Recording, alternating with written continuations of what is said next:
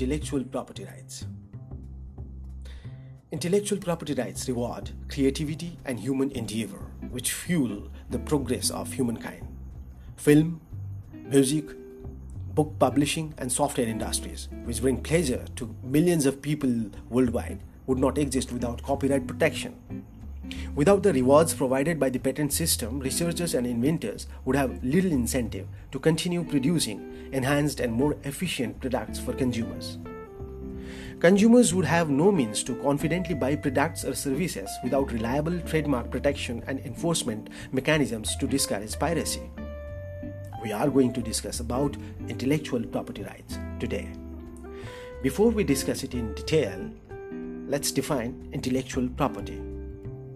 Intellectual property refers to creations of human mind such as inventions, literary works, artistic works, designs, symbols, names, and images used in the fields of commerce, in the fields of science, technology, literature, etc.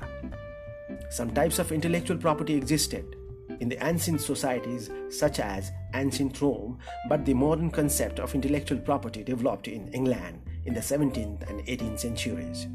The term intellectual property began to be used in the 19th century, though it was not until the late 20th century that intellectual property became commonplace in the majority of the world's legal systems. There are many types of intellectual property, and some countries recognize more than others. The most well known types are copyrights, patents, industrial design right, plant breeders' right, trademarks, trade dress, and trade secrets. A patent is a form of right granted by the government to an inventor or their successor in title, giving the owner the right to exclude others from making, using, selling, offering to sell, and importing an invention for a limited period of time in exchange for the public disclosure of the invention. A copyright gives the creator of an original work exclusive rights to it usually for a limited time. Copyright may apply to a wide range of creative, intellectual, or artistic forms or works. An industrial design right, sometimes called design right simply or design patent, protects the visual design of objects that are not purely utilitarian. An industrial design consists of the creation of a shape, configuration, or composition of pattern or color or combination of pattern and color in three dimensional form containing aesthetic value. Plant breeders' right or plant variety rights are the rights to commercially use a new variety of a plant. A trademark is a recognizable sign, design, or expression which distinguishes products or services of a particular trader from similar products or services from other traders. Trade dress is a legal term of art that generally refers to characteristics of the visual and aesthetic appearance of a product or its packaging that signify the source of the product to consumers.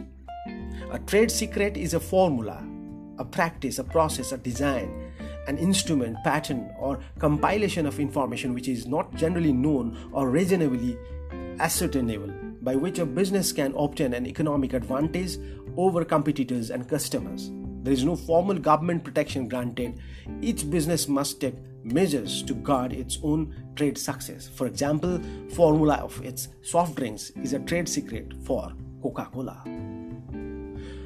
Why to promote and protect intellectual property after all? There are several compelling reasons.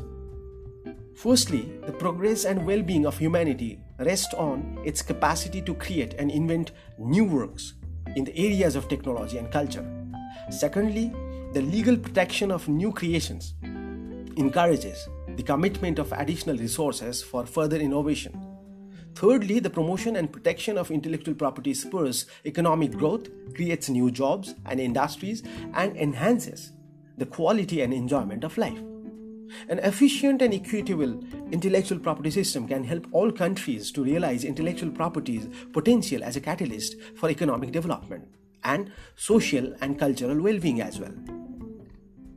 Intellectual property rights are the rights given to persons over the creations of their minds. They usually give the creator an exclusive right. over the use of his or her creation for a certain period of time.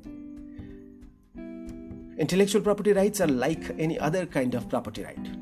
They allow creators or owners of patents, trademarks, or copyrighted works to benefit from their own work or investment in a creation. These rights are outlined in Article 27 of the Universal Declaration of Human Rights, which provides for the right to benefit from the protection of moral and material interests resulting from authorship of scientific, literary, or artistic productions. The importance of intellectual property was first recognized in the Paris Convention for the Protection of Industrial Property in 1883 and the Berne Convention for the Protection of Literary and Artistic Works in 1886. The social purpose is to provide protection for the results of investment in the development of new technology, thus giving the incentive and means to finance research and development activities. A functioning intellectual property regime should also facilitate the transfer of technology in the form of foreign direct investment, joint ventures, and licensing. The protection is usually given for a finite term, typically 20 years in the case of patents. While the basic social objectives of intellectual property protection are as outlined uh, above, it should also be noted that the exclusive rights given are generally subject to a number of limitations and exceptions aimed at fine tuning the balance that has to be found between the legitimate interests of right holders and of users, of course.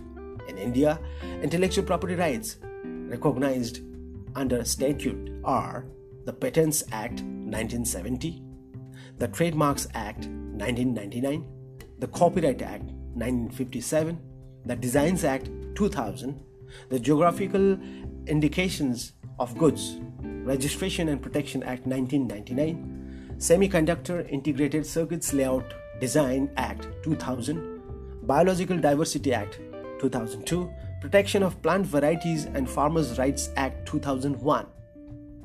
Courts in India, especially in IP matters, that is, intellectual property matters, have recognized the importance of curtailing willful infringement of intellectual property rights and have been liberally granting punitive damages to the innovators. Although the amount of punitive damages granted by the courts is not very large, such damages are granted in addition to the real damages and act as a deterrent. So, uh, maybe right now we are clear to some extent about intellectual property rights. Thank you.